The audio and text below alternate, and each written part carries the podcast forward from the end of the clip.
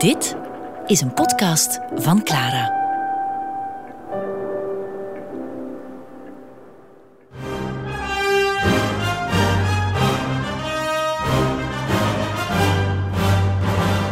Muziek voor Stalin met Michel Krielaars. Het is 1928. We zijn in Italië, in Sorrento om precies te zijn. Daar verblijft de beroemde Russische schrijver Maxim Gorky.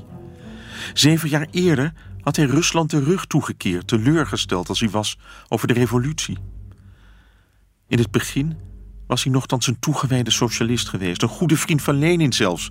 Maar de staatsgreep van de Bolsjewieken in 1917 en de daaropvolgende terreur veroordeelde hij scherp. Hij sprak van Lenins waanzinnige politiek en van de bierput waar Petrograd in was veranderd. Maar na verloop van tijd kan hij ook in het Westen zijn plek niet meer vinden. Zijn romans verkopen slecht en bovendien is hij door zijn afkeer van het opkomend fascisme in West-Europa en na de dood van Lenin zijn standpunten gaan herzien. Hij betreurt zijn beslissing. Hij had Lenin nooit in de steek mogen laten. In de zomer van 1928 zal hij naar de Sovjet-Unie terugkeren en daar ontvangen worden als de verloren zoon. Hij zal er door de autoriteiten gepresenteerd worden als een groot Sovjet-auteur en de erfgenaam van de literaire traditie die teruggaat op Pushkin en Tolstoy. Maar nu is het nog niet zover. Het is april, een zwoele lentenacht in Sorrento en Maxim Gorky geniet van de stilte en de rust. Ik stel me voor hoe hij aan zijn schrijftafel zit voor een open raam. Enkel het gechirp van krekels op de achtergrond hij schrijft een artikel dat niet veel later in de Pravda zal verschijnen. De krant die nog door zijn vriend Lenin werd opgericht en inmiddels is uitgegroeid tot het propaganda-instrument van de communistische partij. Dit is wat hij schrijft.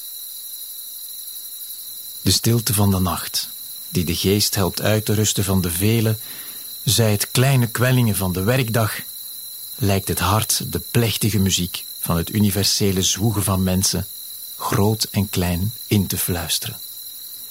Het prachtige lied van het nieuwe tijdperk in de geschiedenis. Het lied dat zo moedig is begonnen door het arbeidersvolk van mijn land. Maar plotseling, in de broedende stilte van de nacht, begint een of andere idiote hamer grimmig te slaan. Eén, twee, drie, tien, twintig slagen. En dan daalt er als een modderklomp die in kristalhelder water valt, een woest gehuil. Gefluit, gebrul, geratel, gekrijs en geknars. Onmenselijke stemmen verwoesten de lucht. Gelijkend op het hinniken van paarden. Iemands oor wordt aangevallen door het geknor van koperen varkens.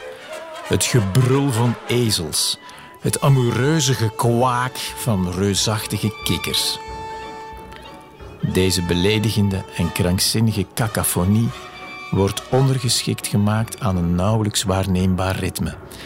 En als men een minuut of twee naar dit pandemonium luistert, begint men zich onwillekeurig voor te stellen dat dit het optreden is van een orkest van krankzinnigen. Gek geworden door seks en geleid door een menselijke hengst met een enorme fallus. Dit is radio. Een van de grootste ontdekkingen van de wetenschap. Een van de geheimen die zij heeft ontrokken aan de schijnbaar zwijgzame natuur. De radio in het naburige hotel vermaakt de wereld van de dikke mannen. De wereld van de plunderaars door hen via de ether een nieuwe foxtrot te laten horen. Uitgevoerd door een orkest van zwarte mannen. Dit is muziek voor dikke mannen. In alle weelderige cabarets van de gecultiveerde landen vriemelen dikke mannen en vrouwen onzedelijk met hun dijen op het ritme ervan. Wentelen zich in obsceniteit simuleren de voortplantingsdaad.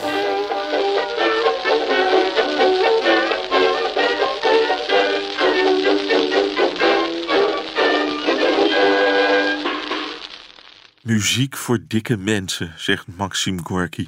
En daarmee bedoelt hij natuurlijk de pre-revolutionaire elite die het goed had, die zich vol kon vreten. En de muziek waarop hij doelt is de jazz, de tango's en de foxtrots, die ook razend populair waren geweest onder de tsaar. En als Maxim Gorky zoiets schrijft, is dat niet niets. Het blijkt het startsein te zijn voor een nieuw soort heksenjacht. Ditmaal niet op de modernistische klassieke componisten, maar op de uitvoerders van het lichte genre.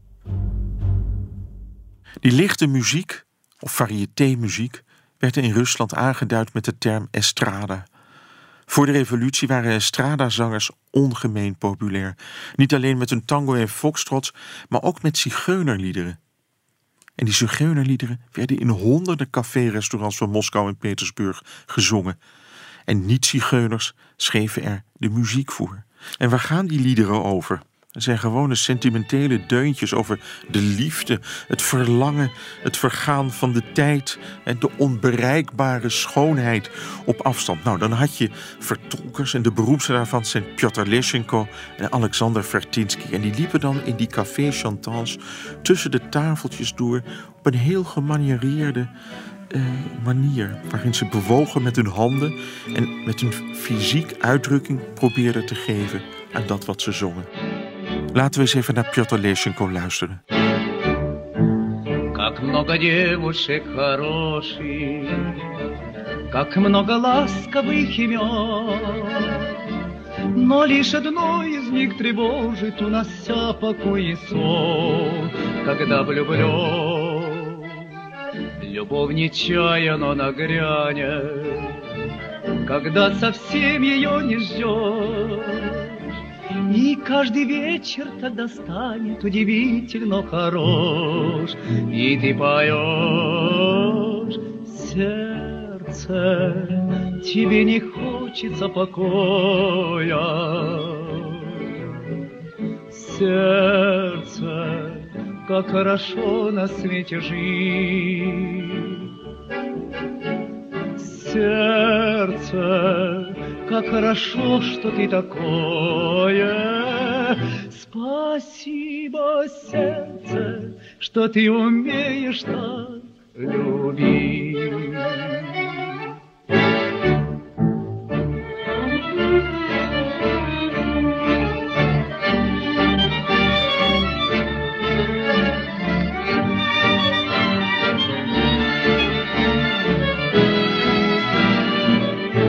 Na de revolutie was het voorbij met dat soort liedjes.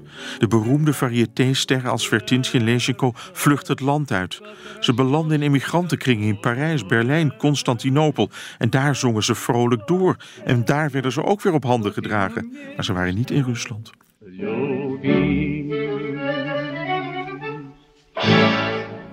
In dat Rusland veranderde ondertussen alles. In 1919 onderwierp Lenin ook het variété-theater aan strenge regels.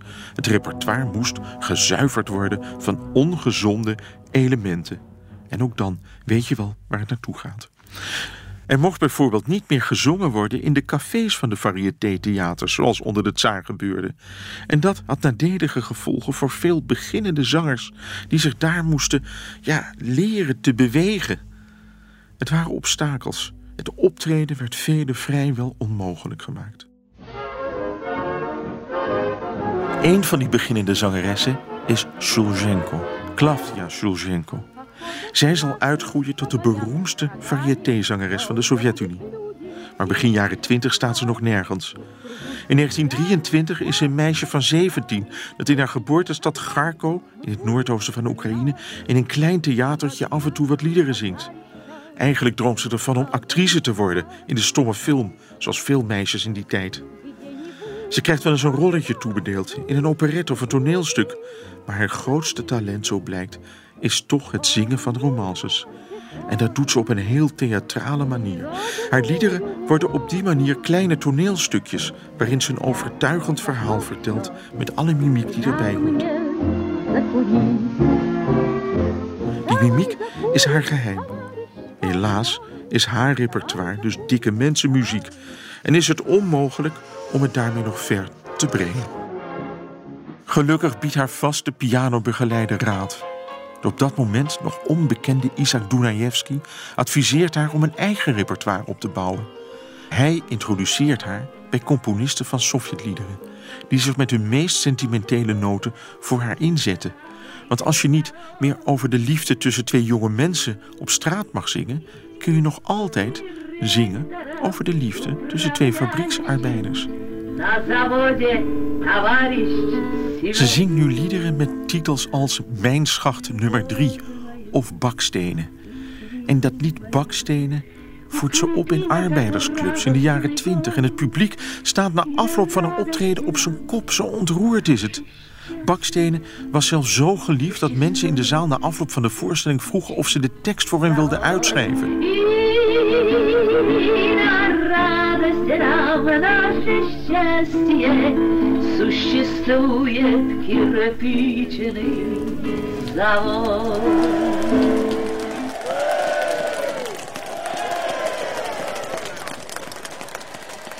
In mei 1928 breekt Shulzhenko door wanneer ze in het Mariinsky Theater in Leningrad een van de zangers is van een jubileumconcert gewijd aan de Sovjetpers.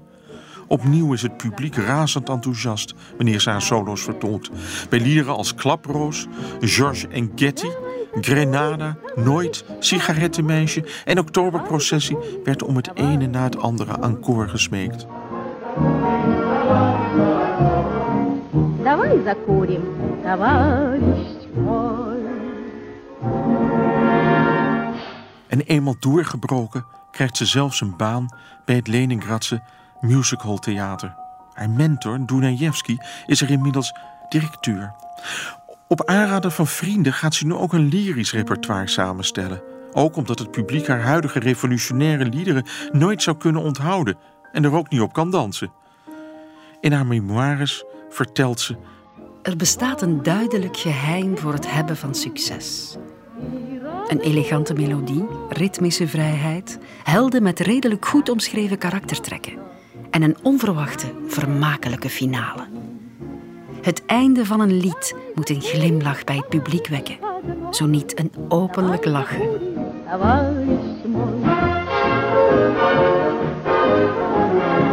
Maar dat gelach wordt verstoord wanneer de muziekautoriteiten bepalen dat iedere apolitieke thematiek in de kunsten de massa zou kunnen demoraliseren.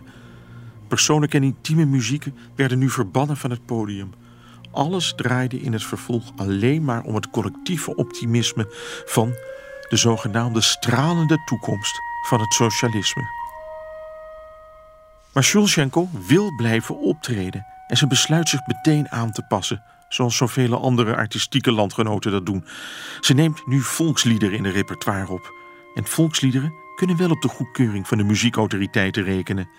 Het is geen moeilijke opgave voor haar, want zo langzamerhand heeft ze genoeg gekregen van die klassieke romances over zigeuners of aristocraten met liefdesverdriet. Juist volksliederen drukken gewone emoties uit van de mensen die ze dagelijks op straat tegenkomt.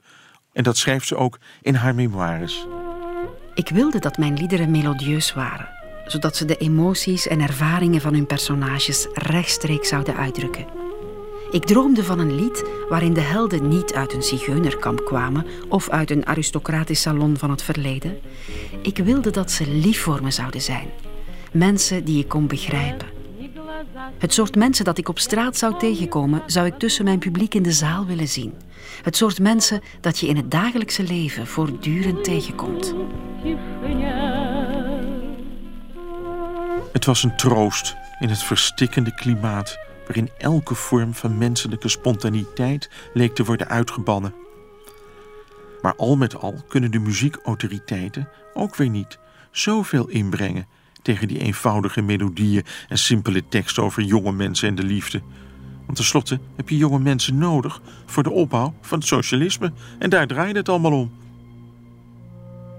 En er was nog een reden waarom de lichte muziek minder gekneveld werd dan de klassieke muziek en de literatuur.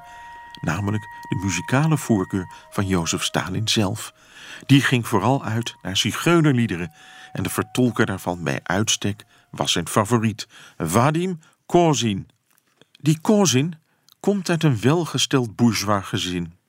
Zijn grootvader heeft een groothandel in manufacturen. Hij rijdt als een van de eerste in een Benz en heeft een telefoon. Van zijn moeder leert hij de Roma- en Sinti-liederen die zij zelf in haar jonge jaren heeft gezongen bij een zigeunerkoor. Ook doet zij hem voor hoe je die zigeunerliederen op het podium moet vertolken met verfijnde vrouwelijke bewegingen.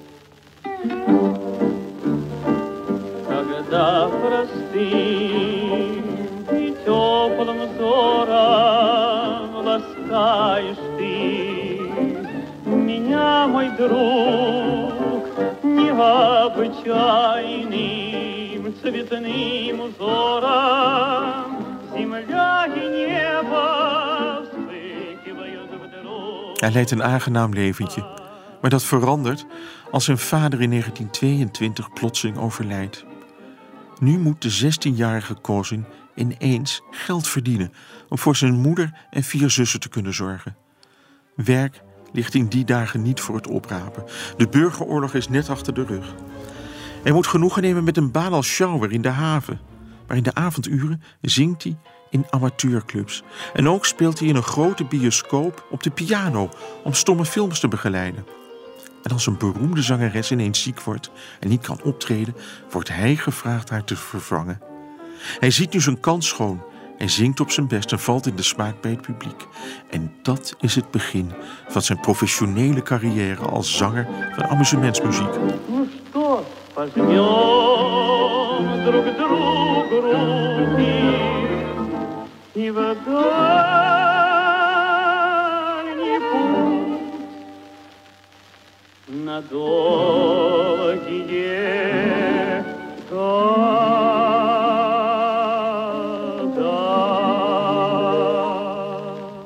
Al gauw krijgt hij een aanstelling als zanger in drie grote bioscopen.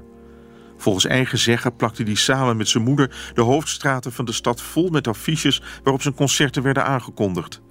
Met de dag kreeg Kozin meer succes. En dat kwam ook doordat die zigeunerliederen ineens weer terug waren. Tot in de jaren dertig werden ze vooral gezongen door vrouwen. Dat een man ze ineens vertolkte was iets nieuws. En dat trok grote aantallen fans aan. Begin jaren 30 werd Kozin aangenomen door een impresariaat van het centrale rayon van Leningrad. Hij kreeg nu een aanstelling bij het Leningradse Staatsvarieté-theater. En dat was een zeer prestigieuze instelling. In het vervolg mocht hij zich een professioneel zanger noemen. Поговори, хоть ты со мной, подруга семиструнная, вся душа полна тобой, а ночь такая лунная. In 1936 besluit hij zijn geluk in Moskou te gaan beproeven. Het is logisch, Moskou is de nieuwe hoofdstad van de Sovjet-Unie. En er werden ook hogere gages betaald dan in Leningrad. En dat was heel belangrijk voor een jongen die aan luxe was gewend zoals hij. Hij neemt zijn intrek in Hotel National tegenover het Kremlin. En dan is ineens zijn geld op. Maar gelukkig treedt hij op in het Gorky Park en daar wordt hij ontdekt door de directeur die hem een vaste baan geeft. Hij wordt nu in de kortst mogelijke tijd een beroemdheid. Er worden platen van zijn liederen gedrukt. En er worden van die platen miljoenen exemplaren verkocht. In alle winkels kon je zijn foto's met zijn portret kopen. Hij stond naast het portret van Lenin, Stalin en Marx bij de mensen thuis in het rode hoekje waar vroeger de icoon stond. En in die tijd gaat hij ook voor het eerst bij Stalin thuis optreden, tijdens met vodka overgoten ontvangsten. De tiran zong dan met hem mee. Осень прозрачное утро, небо как будто в тумане. Ik begrijp waarom Stalin voor die sentimentele liedjes van Kozin valt. Hij was zelf ontzettend sentimenteel. Hij zong zelf in het Georgisch het liedje Suliko. Daar kon hij maar niet over ophouden. En een van die liederen van Kozin waar Stalin van hield was Herfst. En ik begrijp, dat is een heel mooi lied. Het gaat over een man die zijn geliefde ervan wil weerhouden bij hem weg te gaan. Ga niet weg, want ik houd zoveel van je. Dat is min of meer de tekst. 2,5 minuut weemoed in de klassieke Sinti- en Roma-traditie.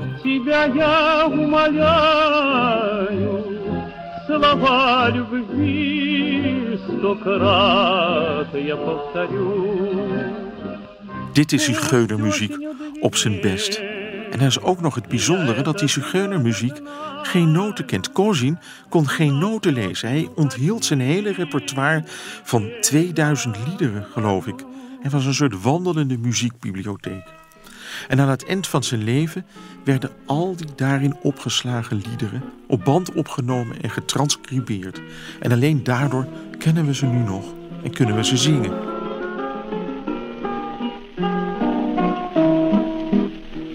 только вечер затеплится синий, Лишь только звезды блеснут в небесах, И черемух серебряный иней Уберет жемчугами краса. In 1936 nam het Comité voor Kunstzaken van de Sovjet-Unie het besluit tot de oprichting van het Staatsjazzorkest van de USSR. Het kreeg een typische Sovjet-afkorting mee. Het werd Gosjazz genoemd. Het doel was om het zogenaamde massalied te kanaliseren in een door het regime gewenste richting. Er moest meer bepaald een symfonische dimensie toegevoegd worden aan de vulgaire jazz- en popmuziek die toen in het Westen opgang maakte. In de sociale opdracht van het orkest stond dan ook specifiek vermeld dat het symfonische jazz moest maken, Symphot Jazz genoemd.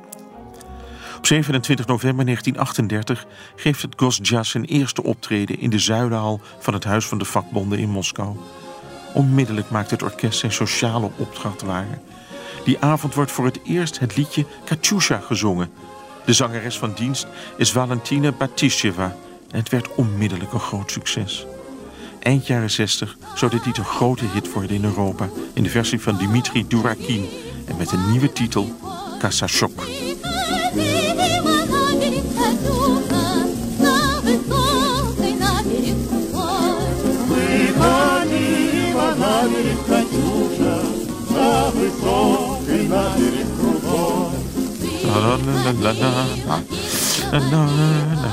Het lied bezingt de rol van een soldaat aan het front die moet vechten om het moederland te beschermen, terwijl zijn liefje Katusha aan het thuisfront hem verlangt. En dat oorlogsfront zou gauw genoeg geopend worden, een jaar later al. In de vroege ochtend van 1 september 1939 hebben duizenden Duitse soldaten zich verstopt aan een bosrand vlak bij de Duits-Poolse grens. Tankbestuurders houden hun handen aan het contact, wachtend op het bevel de motoren te starten en Polen binnen te rollen. Het donkere bos, de volle maan en een lichte grondmist boden een fantastisch tafereel, schreef een panzercommandant in zijn logboek. Operatie Fallweis, het Duitse plan om in korte tijd buurland Polen te veroveren, staat op het punt te beginnen. Engeland en later ook Frankrijk hebben beloofd Polen te hulp te komen in het geval van een Duitse invasie. En als de eerste militairen even later de grens oversteken, is de Tweede Wereldoorlog een feit. Hallo, hallo, tu Warszawa i wszystkie rozgłośnie polskiego radia. Dziś rano o godzinie 5 minut 40 oddziały niemieckie przekroczyły granicę polską, łamiąc pakt o nieagresji. Slechts enkele weken heeft de Weermacht nodig om een groot deel van zijn buurland in te lijven. Polen en de rest van de wereld leren de betekenis van een grimmig nieuw woord, blitzkrieg. Reeds op 12 september hebben de Duitse troepen de hoofdstad Warschau omsingeld. Zes dagen eerder speelt in diezelfde stad een jonge Joodse pianist s'avonds in een populair danslokaal. Zijn naam is Weinberg, Misislav Weinberg. 19 jaar is hij, zoon van Samuel Weinberg, die als componist, violist en dirigent van het kleine orkestje van het Joods Theater in Warschau zijn brood verdient. Het is daar dat de jonge Misislav zijn eerste muzikale pasje zette. Hij leerde zichzelf piano spelen en op zijn tiende of elfde zat hij al samen met zijn vader achter het klavier tijdens de voorstellingen. Zijn uitzonderlijke talent werd snel opgemerkt. Op zijn twaalfde ging hij naar het conservatorium in Warschau, waar hij les kreeg van de beroemde pedagoog en pianist Jozef Torczynski. Al gauw was de jonge Weinberg een van zijn twee beste leerlingen. Maar terug naar die avond in september. Voor veel Polen lijkt er op dat moment nog weinig aan de hand. Dat de regering blijft volhouden dat het Poolse leger de Duitse troepen met succes kan tegenhouden. Maar wanneer Weinberg thuiskomt, hoort hij op de radio dat het mis is. De vijand rukt op naar Warschau en alle mannen krijgen het bevel de stad te verlaten. In zijn herinneringen schrijft hij een halve eeuw later. De volgende morgen verliet ik Warschau samen met mijn kleine zusje in oostelijke richting. Maar omdat ze haar voeten in haar schoenen openscheurde, keerde ze alweer gauw naar moeder en vader terug, terwijl ik mijn weg vervolgde. 17 dagen lang loopt hij tussen het strijdgevoel door in oostelijke richting. Waar zijn tocht zal eindigen is onduidelijk. Eten en drinken heeft hij nauwelijks. Een paar keer ontsnapt hij aan de dood. Op een keer ziet hij hoe een Duitse militair aan een paar Joden de weg vraagt en bij het wegrijden een handgranaat naar hen gooit, waardoor ze om het leven komen. Op 27 september capituleert de Poolse regering voor de Duitsers. Sovjet-troepen hebben inmiddels, zoals ze met hun toenmalige Duitse bondgenoten hebben afgesproken, de oostgrens van Polen geschonden om de Poolse gebieden in West-Oekraïne in te lijven. Bij de grens met de Sovjet-Unie, op de hoogte van de stad Brest, verzamelen zich in de nu volgende dagen duizenden Poolse en Joodse vluchtelingen. Met Duitse machinegeweren op hun rug gericht smeken ze om tot het grondgebied van de Sovjet-Unie te worden toegelaten. Ze hebben geluk, want ineens komt er toestemming en gaat de grens open. Voordat de vluchtelingen de Sovjet-Unie in kunnen, moeten ze zich echter eerst registreren. En dat is het moment waarop Mstislav Weinberg een andere naam krijgt. Want als hem door de Sovjet-autoriteiten wordt gevraagd of hij een Jood is, krijgt hij te horen dat hij in het vervolg geen Mstislav heet, maar Moisee. Zijn reactie was volgens eigen zeggen simpel. Moisee, Abraham, u zegt het maar, als ik het Sovjet-grondgebied maar binnen mag. Hij beseft op dat moment nog niet dat hij nooit meer naar Polen zal terugkeren. Eenmaal in de Sovjet-Unie gaat Weinberg naar de Wit-Russische hoofdstad Minsk. Daar, een stad die tijdens de oorlog met de grond gelijk gemaakt zal worden, mag hij op staatskosten zijn opleiding aan het conservatorium vervolgen. Hij krijgt er les van de beroemde Vasily Solotarev, een leerling van Rimsky-Korsakov. Ook heeft hij het geluk dat hij niet in het leger hoeft, omdat zijn gezondheid te slecht is. Over zijn tijd in Minsk weten we eigenlijk niets. Hij heeft amper geld, maar lijdt geen honger. Maar zijn muziek doet hem alle ellende vergeten. Wanneer hij voor het eerst de muziek van Shostakovich hoort, verandert zijn leven. Blijkbaar herkent hij iets van zijn eigen wezen in die muziek. Het gebeurt op een dag dat in Minsk Shostakovich's vijfde symfonie wordt uitgevoerd en er in het orkest niemand is die de piano- en celestepartij kan spelen. Weinberg valt in en is meteen verkocht. Vanaf dat moment maakt hij als componist een grote ontwikkeling door en wordt hij al gauw een van de sterleerlingen. Hij componeert onder andere een strijkkwartet dat hij opdraagt aan zijn moeder en zuster die in Polen zijn achtergebleven en van wie hij niet weet of ze nog in leven zijn.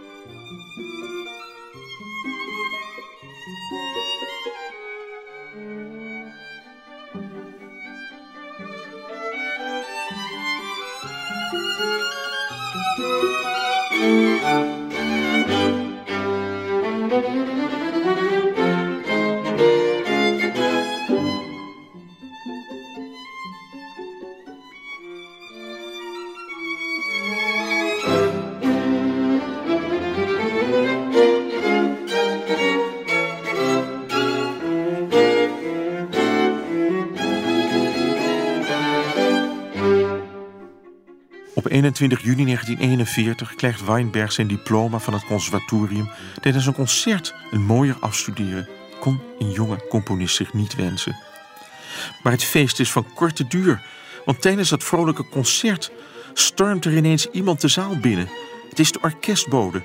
Die roept dat volkscommissaris voor Buitenlandse Zaken Molotov zo dadelijk een toespraak op de radio gaat houden. Het volk snelt naar buiten, want daar hangen de luidsprekers van de draadomroep. En als ze Molotov horen spreken, kan het alleen maar rampspoed betekenen. Граждане и гражданки Советского Союза. Wat ze horen slaat iedereen met verstomming. Molotov deelt mee dat die ochtend om vier uur het Duitse leger de Sovjet-Unie is binnengevallen. Zonder vooraf enige eisen te stellen. Zonder officiële oorlogsverklaring. Verschillende steden worden reeds gebombardeerd. Met honderden slachtoffers tot gevolg. En ook nu weer rukken de Duitsers in hoog tempo op. Met een snelheid van 200 kilometer per dag rukt de 3 miljoen man sterke Duitse legermacht op naar Moskou. Op serieuze tegenstand stuiten ze niet.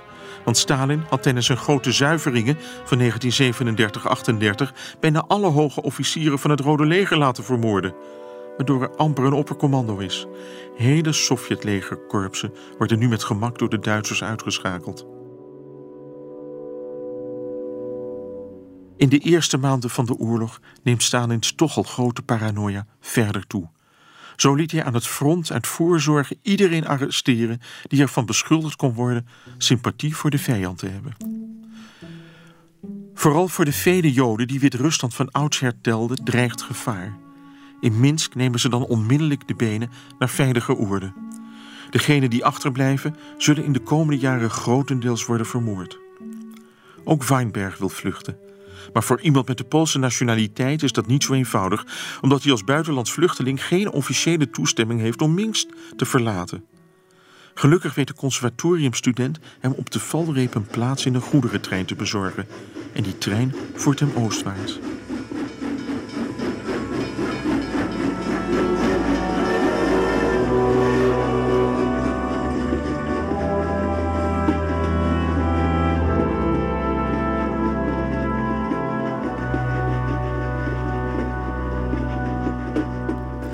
Na een chaotische reis van twee weken komt hij aan in Tashkent, de hoofdstad van de Sovjet-Republiek Oezbekistan, waar inmiddels tal van geëvacueerde acteurs, muzici, schrijvers, geleerden uit de belangrijkste Russische steden heen zijn gebracht.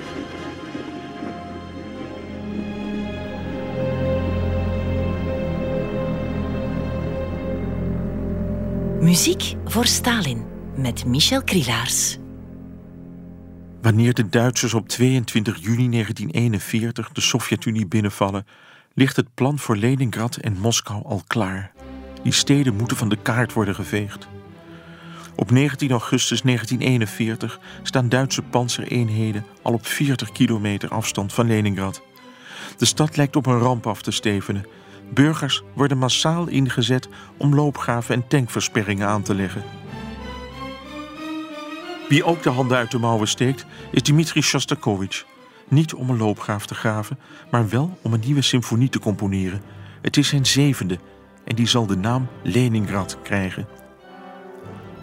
Op 19 juli 1941 zet hij de eerste noten ervan op papier.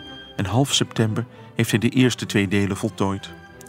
Op 17 september 1941 spreekt hij via Leningrad Radio de volgende woorden. Моя седьмая симфония навеяна грозными событиями 1941 года. Ik heb zo net de eerste twee delen van een grote symfonische compositie voltooid.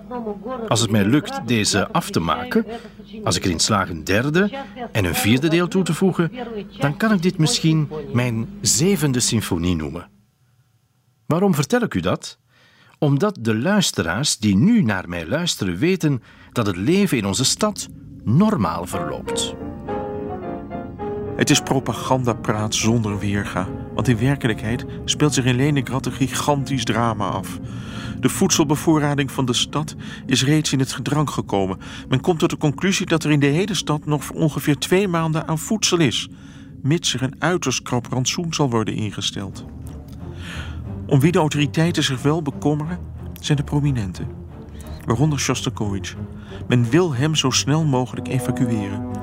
Pas eind september 1941 stemt hij daarin toe. En op dat moment heeft hij drie delen van zijn symfonie voltooid. Eerst wordt Shostakovich naar Moskou overgebracht en later naar Kuibyshev aan de Volga, dat tegenwoordig Samara heet. Het is daar dat hij in december 1941 de finale van het werk voltooit. Drie maanden later gaat het in diezelfde stad in première. En het leuke aan Kuibyshev is dat er nog altijd een heel groot standbeeld van Shostakovich staat, zo ongeveer voor het huis waar hij in die tijd heeft gewoond. En op 50 meter afstand is de ondergrondse commandobunker die Stalin voor zichzelf heeft laten bouwen, maar die hij nooit gebruikt heeft, want hij heeft zijn gezicht in de oorlog nooit in Kuibyshev laten zien. Voor Shostakovich was het niet gebruikelijk, maar in dit geval levert hij bij de compositie een gedetailleerde programmatische beschrijving. Het eerste deel, een symfonisch allegro, vindt zijn inspiratie in de maand augustus in Leningrad. De oorlog overvalt ons vredige leven. Onze mensen, arbeiders, denkers, artiesten, allen worden strijders. Gewone mannen en vrouwen worden helden.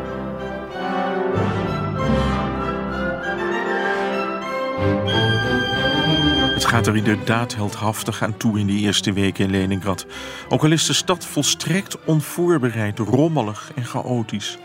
Duizenden stedelingen worden ingezet voor het graven van schuilkelders en het opwerpen van barricades. Bij de mobilisatiebureaus melden zich in één week tijd 212.000 oorlogsvrijwilligers. De meeste worden ingelijfd bij het Arbeiderslegioen. In grote haast worden de eerste divisies van deze vrijwilligers naar het front gestuurd. Haast niemand heeft een militaire achtergrond, ook de officieren niet. Maar met het moraal van de troepen is het goed gesteld. Het geloof in de overwinning is groot. Ook dat is een aspect dat je in het eerste deel van Shostakovich's zevende symfonie hoort doorklinken. Wij zijn onoverwinnelijk in deze grote oorlog, omdat onze zaak de enige juiste is. We weten dat Hitler uiteindelijk verslagen zal worden en zijn graf in de Russische aarde zal vinden. Daarom is de sfeer in het eerste deel over het algemeen vreugdevol en opgewekt.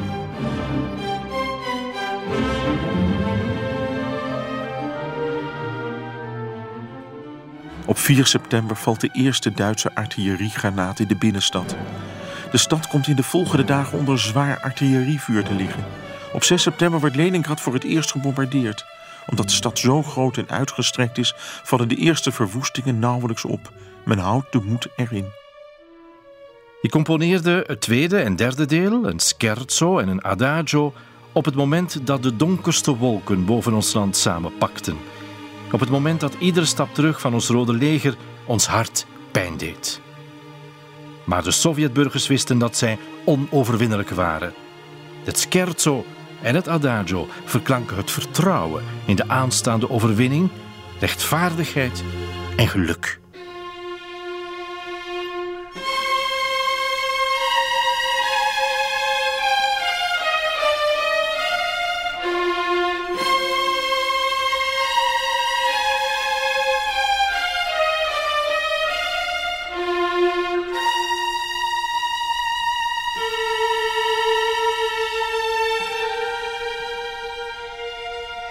Helaas zou die aanstaande overwinning nog een hele tijd op zich laten wachten. Het beleg van Leningrad zal bijna 900 dagen duren. Op de avond van 8 december 1941 is er opnieuw een zwaar bombardement. Ditmaal is het zuidwesten van de stad aan de beurt. De Duitsers hebben het gemunt op de voedselopslagplaatsen. Deze branden bijna in hun geheel af. De 3 miljoen inwoners van de stad zitten als ratten in de val. In de bittere winterkou eten mensen lijm, schoenzolen, katten en soms zelfs hun medemensen. In die 900 dagen zullen een miljoen mensen de dood vinden. Maar dat het allemaal zo lang zou duren, kon Shostakovich op dat moment onmogelijk weten. Het laatste deel van zijn Leningrad-symfonie loopt dan ook over van optimisme. Het vierde deel van mijn symfonie begint met de strijd op leven en dood. Een strijd die uitloopt op een stralende overwinning. Het vaderland overwint.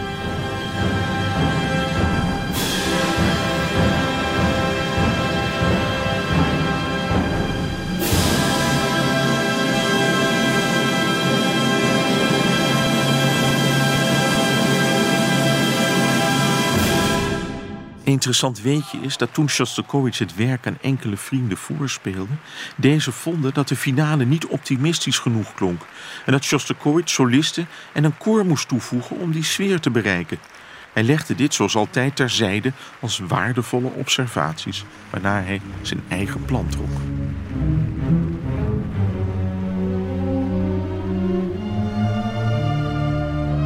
Shostakovich heeft de verwoesting van Leningrad niet zelf hoeven aanschouwen. Met zijn evacuatie eind september 1941 ontsprong hij de dans. Maar de meeste artiesten in Leningrad is dat privilege niet gegund. Integendeel, in juni is er al een speciaal regiment opgericht voor het vermaak van de troepen aan het front. Niet minder dan 42.000 artiesten werden daarbij al dan niet vrijwillig bij ingelijfd. Een van die artiesten is Shulzhenko. Tot aan het eind van de oorlog zou ze daar optreden, aan het front. Aan de frontlinies van het door de Duitsers omsingelde Leningrad is haar muziek voor velen een balsem voor de ziel. Er werd zelfs gezegd dat haar liederen even belangrijk waren als alle voorraden aan Sovjetbommen en granaten tezamen. Je moet eens kijken op YouTube. Daar staan filmpjes van Shulzhenko terwijl ze optreedt in die oorlogsjaren. En dan zie je ook dat ze steeds geposeerder en gemaniereerder gaat worden. En desondanks is ze door haar enigszins gezette verschijning, haar wilderige haar, haar bleek gepoederde wangen en felle lipstick en geplukte wenkbrauwen voor veel vrouwen herkenbaar. Klavdia Shulzhenko was Katja, Nadjezhda, Julia, Vera, Irina en ga zo maar door. Ze was hun zus, moeder en dochter tegelijk, zoals ze ook de geliefde was van al hun mannen. Я тебя они напомнят мне. Tot eind 1941 zou Shulzhenko voor de troepen zingen. Als onderdeel van die vele theater- en circusoptredens die voor het Rode Leger werden georganiseerd. De legerleiding vond haar zo belangrijk voor het moreel van de troepen dat ze met haar ensemble een eigen repetitieruimte kreeg in een onderkomen van het Rode Leger in Leningrad. Nou, zo'n privilege had geen enkele van de andere artiesten in Leningrad. Все печали снимали вдруг. Когда по клавишам твои скользили пальцы, Каким родным казался каждый звук. Als een van de weinigen kon Shulzhenko de stad uit. Per autobus of panzertrein reisde ze langs het front om de soldaten moed in te zingen. Overal werd dan even gestopt voor een kort concertje van zo'n 30 minuten. Want anders liep ze het gevaar om door Duitse jachtvliegtuigen te worden beschoten. Ze zong bij 30 graden onder nul op het bevroren Ladoga-meer... dat als enige uitvalsroute uit Leningrad voortdurend door de Duitsers werd gebombardeerd. Als podium dienden op zulke momenten twee tegen elkaar geparkeerde laadruimtes van vrachtwagens. Shevchenko en het publiek riskeerden tijdens zo'n concert hun leven meer dan op welk ander podium aan het front ook. Maar het kon er niks schelen. Zo blij was ze altijd om soldaten te ontmoeten die er van haar muziek genoten, zoals ook in haar memoires schrijft. Alleen om mij te zien zouden soldaten kilometers over kapotte wegen reizen. Ze zouden bombardementen doorstaan. Er zou op hen worden geschoten. Ze zouden amper slapen, niet genoeg eten. Ze zouden zelfs hun hachelijke positie vergeten, zichzelf vergeten. Daar aan het front begreep ik wat voor een artiest de hoogste eer betekent. Die glimlach, die liefde en erkenning van soldaten, voor wie jouw kunst, zoals blijkt, absoluut essentieel is. De compassie van Shulzhenko met de manschappen van het Rode Leger is groot. Wanneer ze een keer in een militair hospitaal optreedt in een witte galajurk, merkt ze hoe ze opgaat in de massa van wit verband van al die gewonde soldaten in de zaal. Ze kan haar tranen nauwelijks bedwingen En in het vervolg zal ze die witte jurk aan het front nooit meer dragen. Vooral haar lied De Handen doet het in dat hospitaal goed. Handen zijn voor hen van levensbelang, omdat je er al het wezenlijke mee kan doen. Schrijven, deegkneden, een geweer vasthouden, liefhebben, noem het maar op. Daarom vragen de soldaten haar ook om het nog een keer voor hen te zingen. Wat ze als vanzelfsprekend doet. Как вы могли легко проститься И все печали мне дали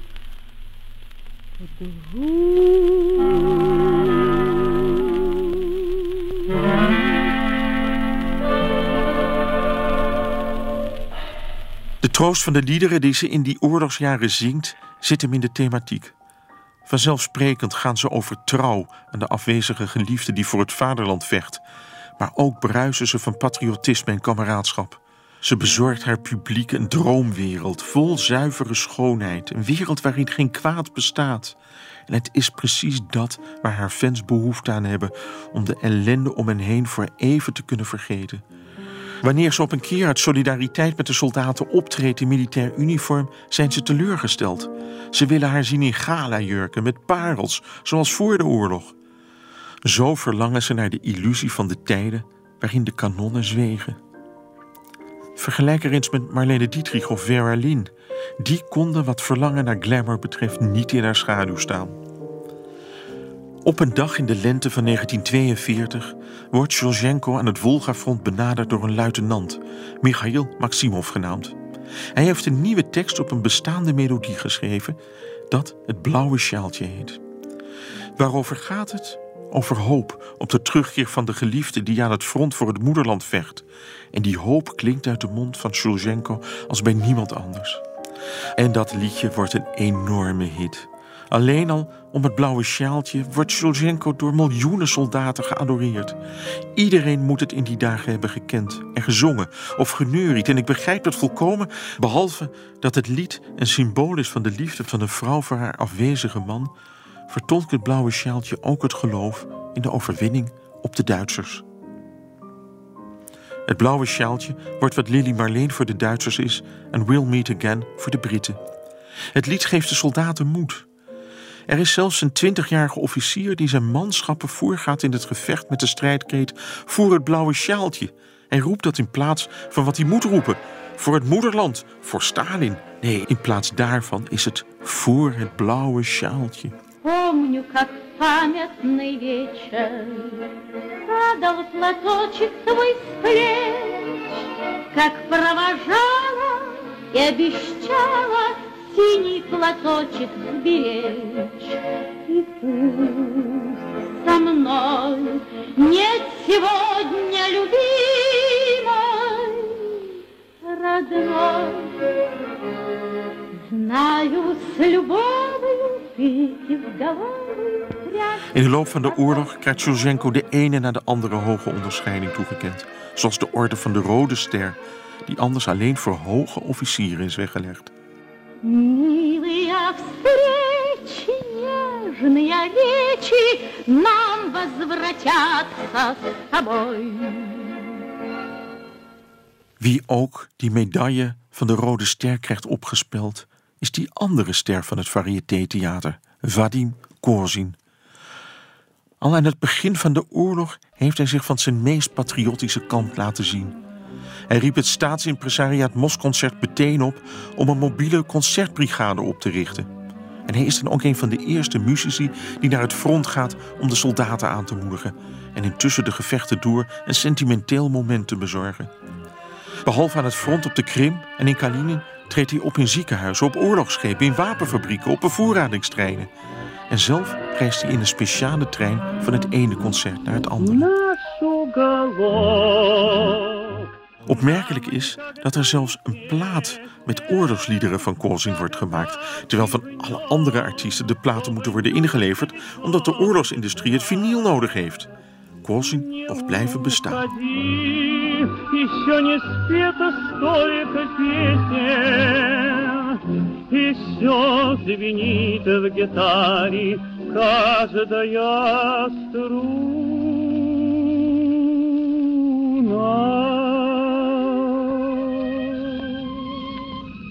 Muziek voor Stalin met Michel Krielaars. Begin oktober zetten de Duitsers ook de aanval op Moskou in. Het lukt een concentratie van de meeste panzerdivisies om het front open te scheuren en de hoofdmassa van het Rode Leger te omsingelen. Even lijkt het erop dat de Russische hoofdstad snel zal vallen. Maar het was al te laat voor een Duitse overwinning. Zoals altijd daalde midden oktober de temperaturen. De gebruikelijke hevige regenval, waarvan het water niet meer zou verdampen, zorgde ervoor dat het grotendeels onverharde wegennet in één grote modderpoel veranderde. De bevoorrading van de Duitse troepen viel vrijwel stil. Het Duitse offensief stokte op 100 kilometer voor Moskou. Maar dat wisten de Moscovieten toen nog niet. En ze hadden voorzorgsmaatregelen genomen. Zo hadden ze de kopstukken van de intelligentsia in augustus van dat jaar al naar het achterland geëvacueerd. Let op, ik zeg de kopstukken van de intelligentsia. Want de gewone burgers die de benen wilden nemen, dat werd niet toegestaan. Zij die de stad hadden willen ontvluchten, werden gearresteerd of neergeschoten. En zo ontsprong ook Prokofjev de dans.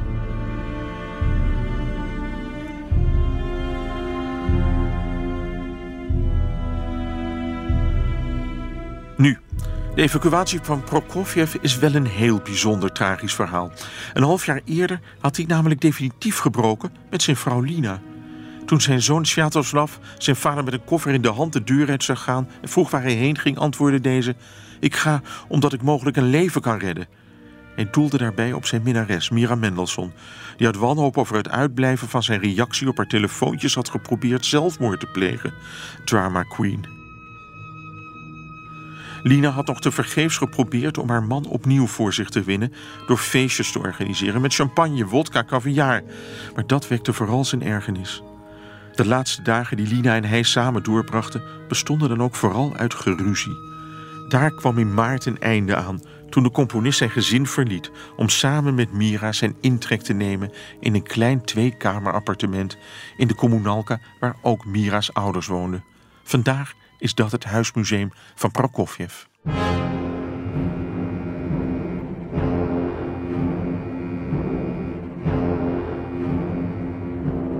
Als in augustus die kopstukken van de intelligentsia uit Moskou geëvacueerd worden, mogen ook Lina en hun twee zonen Alek en Sviatoslav mee.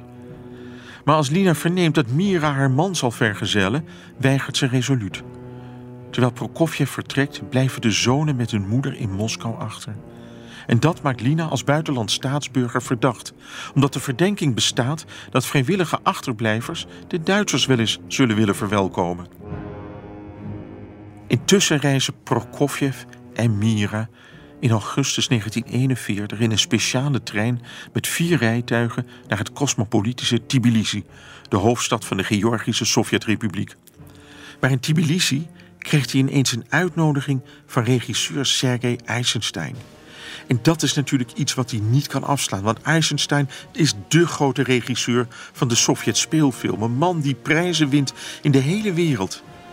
En het is een aanbod dat hij niet kan afslaan. En daarom reist hij in mei 1942 met Mira verder naar Alma-Ata, de hoofdstad van Kazachstan.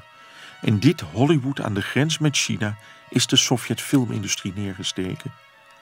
Met Eisenstein werkt hij nu aan de speelfilm over het leven van Ivan de Verschrikkelijke. Het is een biografisch epos over het leven van tsaar Ivan IV van Rusland. En de opdracht daarvoor komt van Stalin zelf, want die bewonderde Ivan en identificeerde zich ermee. Stalin zag in Ivan de Verschrikkelijke dezelfde soort briljante, besluitvaardige, succesvolle leider als hijzelf. Ja, om Stalin te behagen wil Eisenstein vooral een plechtstatige film maken met acteurs die in afgemeten toon spreken. En daar komt dan die muziek van Prokofjev bij. Het is een hele plechtstatige muziek. En Prokofjev weet als geen ander die stemming, die, ja, die bewondering voor de, voor de leider, voor de tsaar of voor de dictator in noten te vangen. En hij is ook nog in staat om heel snel te componeren.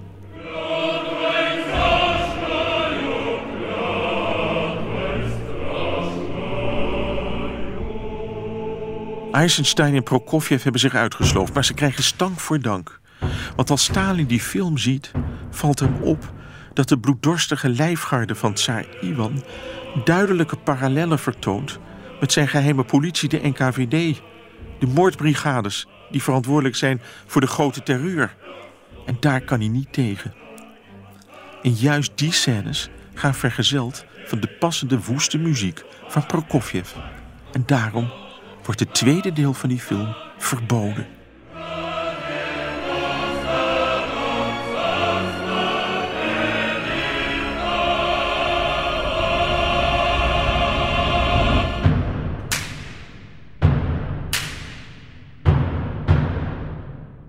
De bloeddorst van de geheime politie was nochtans reëel. Het was bijvoorbeeld hun taak om toe te zien op de uitvoering van Stalins bevel 277. En dat verbood soldaten om zich terug te trekken. Deden ze dat wel, dan werden ze door de geheime politie geëxecuteerd. In de slag om Stalingrad overkwam dit op deze manier 23.000 Russische soldaten. Die slag om Stalingrad is trouwens een keerpunt in de oorlog aan het Oostfront. In de eerste maanden van 1943 weet het Rode Leger daar een grote overwinning te behalen. Begin februari is het voorbij en geven de laatste overlevende Duitse soldaten van het 6e leger zich over. Nog nooit eerder was een compleet Duits leger verloren gegaan. Het psychologische effect van de slag is aan beide zijden enorm, maar toch vooral in Duitsland. Want daar dringt in brede lagen van de bevolking het besef door dat men de oorlog wel eens kon gaan verliezen. Voor de Sovjets is het natuurlijk een opsteker. Het Rode Leger vat weer moed. Al duurt het nog een hele tijd voordat de Russen in Berlijn staan. Op 30 november 1943 komen de Sovjet-Unie, Groot-Brittannië en de Verenigde Staten in de Persische hoofdstad Teheran bijeen om over de voortzetting van de oorlog tegen de nazi's te onderhandelen en een begin te maken met de verdeling van Europa in invloedssferen. In de marge van die conferentie wordt er ook een feestprogramma georganiseerd voor de jarige Churchill. Onder andere Marlene Dietrich en Maurice Chevalier treden erop.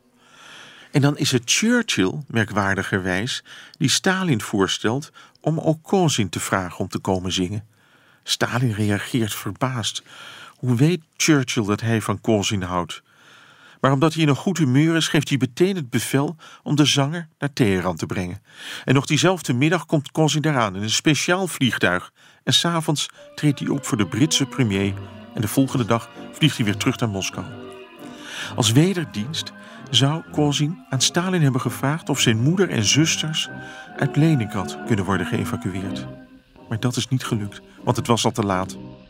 Осень прозрачное утро, небо как будто в тумане, Дали станов перламутра, солнце холодное раннее. Где наша первая встреча, яркая, острая, тайная, Тот летний памятный вечер, милая, словно случайная. Maar dan, op het hoogtepunt van zijn roem, een half jaar later, wordt Kozin ineens gearresteerd. Het is 16 mei 1944. Drie dagen eerder heeft hij nog opgetreden op een banket voor medewerkers van de geheime politie. De generaal die toen het glas op hem hief, zal een dag later zijn arrestatiebevel ondertekenen. Hoe absurd kan het zijn? Kozins naam verdwijnt onmiddellijk van alle affiches waarop zijn optredens bekend worden gemaakt. Zijn foto's worden verwijderd uit de vitrines van de theaters en concertzalen. Zijn stem is van de ene dag op de andere dag niet meer te horen. Kozin heeft altijd heel vaag gedaan over de reden van zijn arrestatie. In werkelijkheid is de reden voor die veroordeling heel duidelijk: anti-Sovjet-agitatie, maar vooral zijn homoseksualiteit. En hoe zat het met die homoseksualiteit in de Sovjet-Unie? Laten we daarvoor eerst even teruggaan naar de 19e eeuw, toen homoseksualiteit nog gewoon strafbaar was. Van Tchaikovsky, de grote componist, wordt altijd gezegd dat hij gedwongen zou zijn om zelfmoord te plegen toen dreigde uit te lekken dat hij een adellijke jongen had geprobeerd te verleiden en dat zijn oud-medestudenten hem hadden gedwongen de gifbeker te drinken. Maar die theorie wordt steeds onwaarschijnlijker als je beseft dat in diezelfde 19e eeuw, vooral in de hoogste klasse, homoseksualiteit iets heel gewoons was. Er was zelfs één broer van de tsaar die een vooraanstaand homoseksueel was. Ja, in ieder geval is het duidelijk dat uit het eerste wetboek van strafrecht van de Bolsjewieken het artikel verdween dat homoseksuele handelingen strafbaar stelde. Voor het eerst sinds 1716 was homoseksualiteit weer volledig legaal. Het legaliseren van homoseksuele handelingen betekent echter niet het einde van vervolgingen van homoseksuelen. Aangezien in de jaren voor de revolutie veel openlijke homoseksuele leden waren geweest van de hoogste klasse of politieke ultraconservatieven, gingen de Bolsjewieken ervan uit dat homoseksualiteit de verdorvenheid was van de bourgeois onderdrukkers van wel eer. Homoseksualiteit werd dus niet meer gezien als een misdaad, maar als een medische of psychische aandoening die genezen zou moeten kunnen worden. In de lokale pers kwam zelfs het beeld naar voren dat homoseksualiteit weliswaar niet langer illegaal was, maar dat overduidelijk homoseksueel gedrag toch gestraft moest worden, omdat het besmettelijk zou zijn en zo jonge mensen ertoe zou kunnen verleiden om zich ook zo te gaan gedragen. Tegelijkertijd had je ondanks die negatieve houding van de bolsjewistische autoriteiten een homoseksuele subcultuur in de jaren twintig. En in Moskou waren rondom het Bolshoi-theater en in Sint-Petersburg op de Nevsky-prospect allerlei ontmoetingsplekken voor homoseksuelen.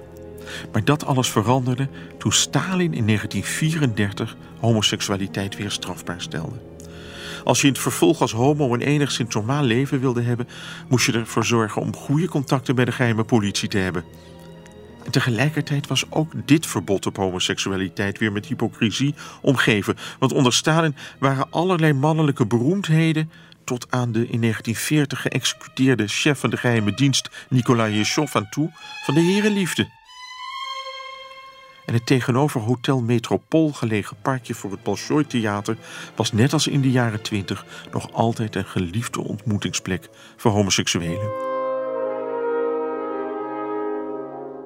Het nieuwe wetsartikel dat homoseksualiteit strafbaar stelde en zo'n 10.000 mannen in de gulag deed belanden, werd vooral gebruikt als middel voor de persoonlijke wraak van de machtselite. Dat er nog altijd weinig bekend is over het lot van de gearresteerde homoseksuelen, komt doordat de FSB-archieven tot op de dag van vandaag nog altijd potdicht zitten.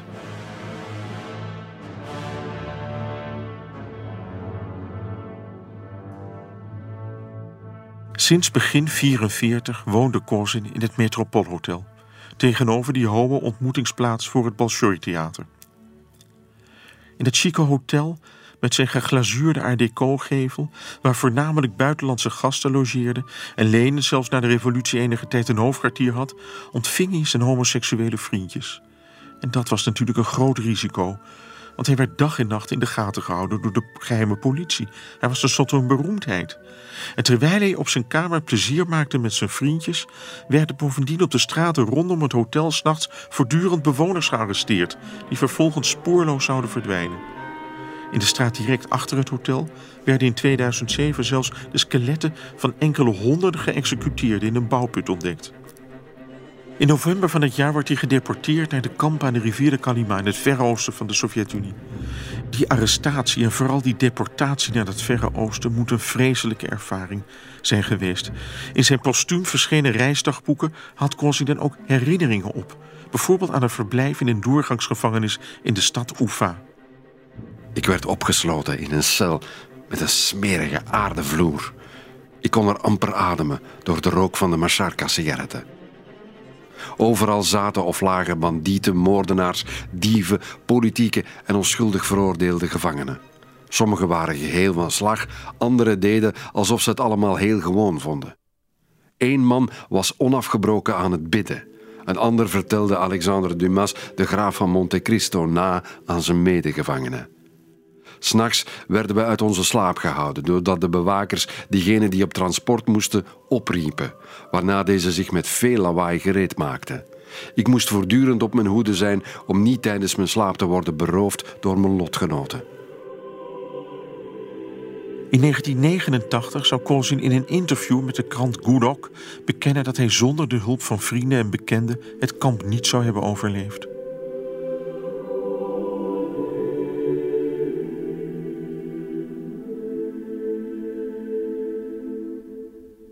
In die doorgangsgevangenis is het dus vreselijk.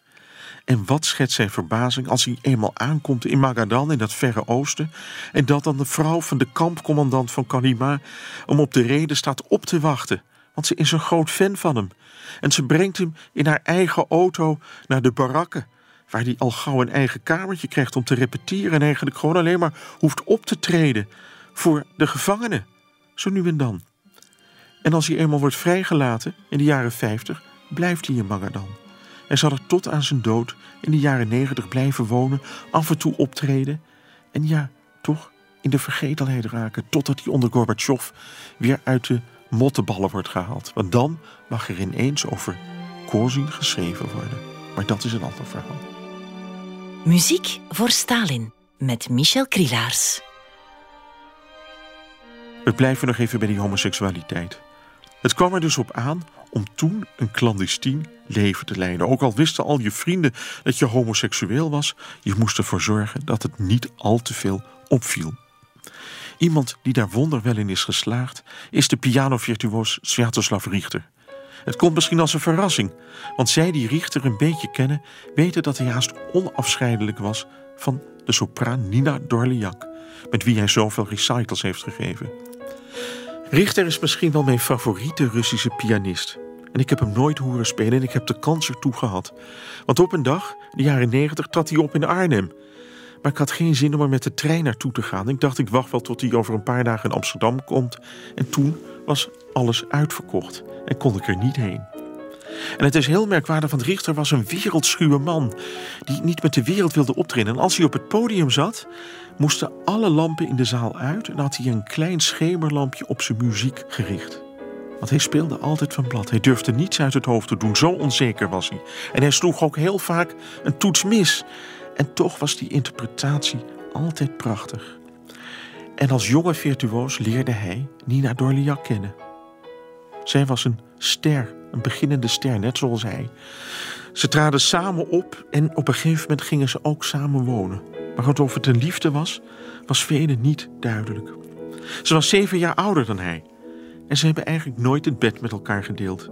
Hoewel ze elkaars beste kameraden waren. Want ze waren allebei homoseksueel.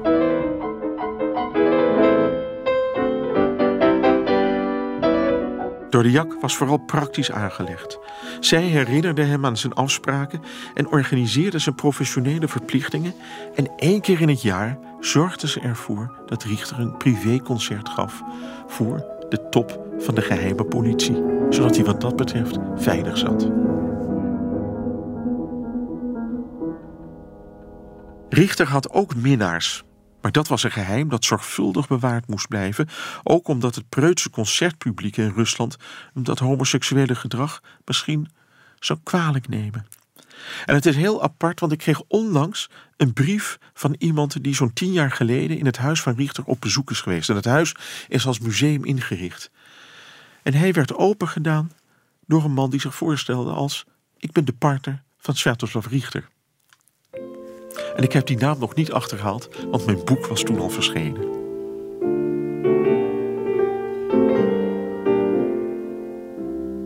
Maar die homoseksualiteit was wel de reden waarom hij zijn privéleven tot aan zijn dood in 1997 afschermde. Hij was buitengewoon stil en teruggetrokken. Hij gaf nooit interviews en in het openbaar vertelde hij niets over zijn persoonlijke leven. Maar hij droeg nog een ander groot geheim met zich mee. En dat had te maken met zijn ouders, die hij had achtergelaten in zijn geboortestad Odessa toen hij naar Moskou vertrok in 1937. Wanneer in augustus 1941 Odessa door de troepen van de vijand dreigt te worden ingenomen, worden Richters vader, Theofiel, en alle andere Sovjetburgers met Duitse achternamen door de geheime politie gearresteerd en twee maanden later geëxecuteerd.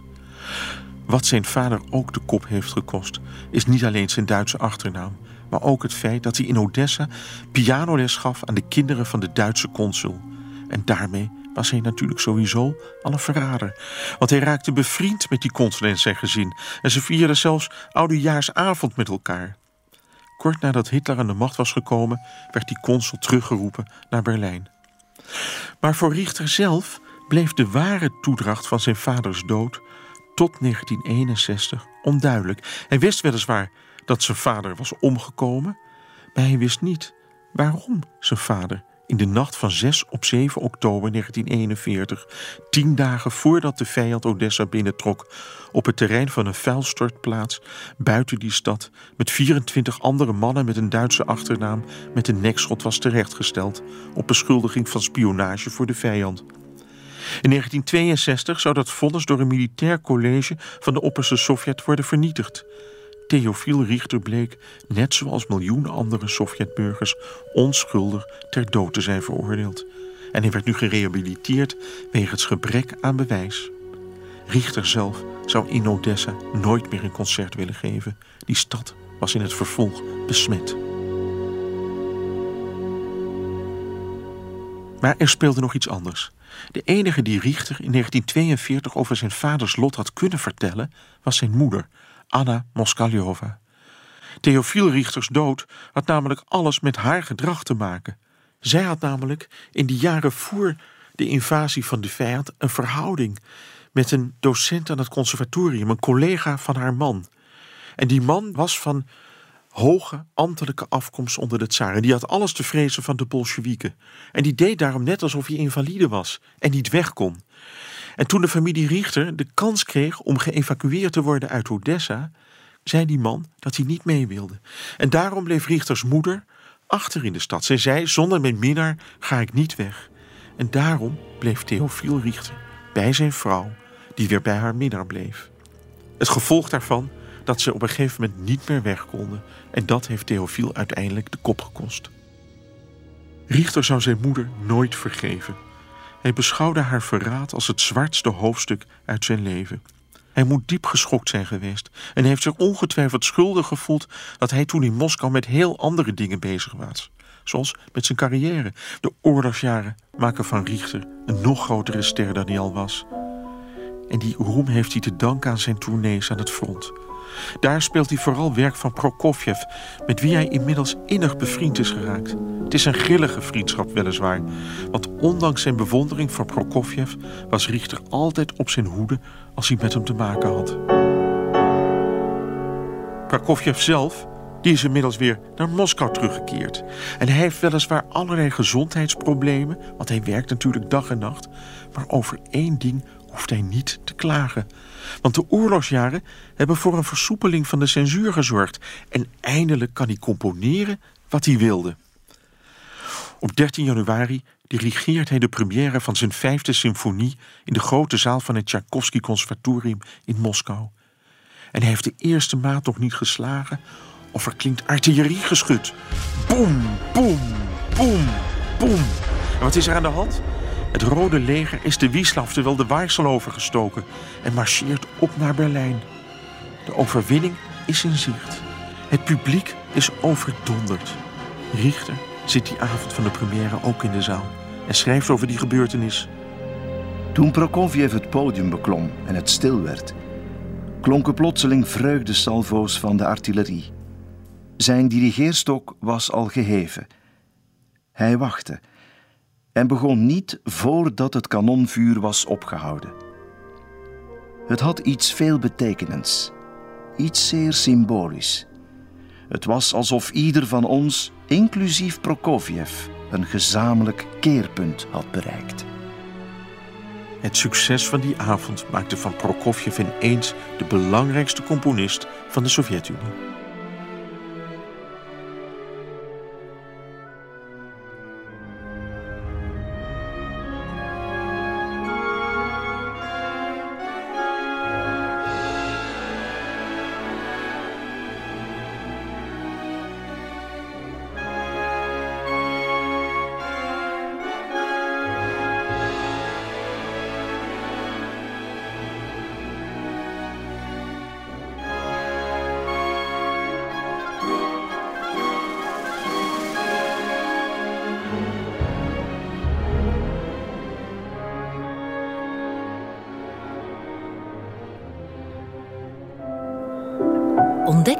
Andere podcasts via clara.be.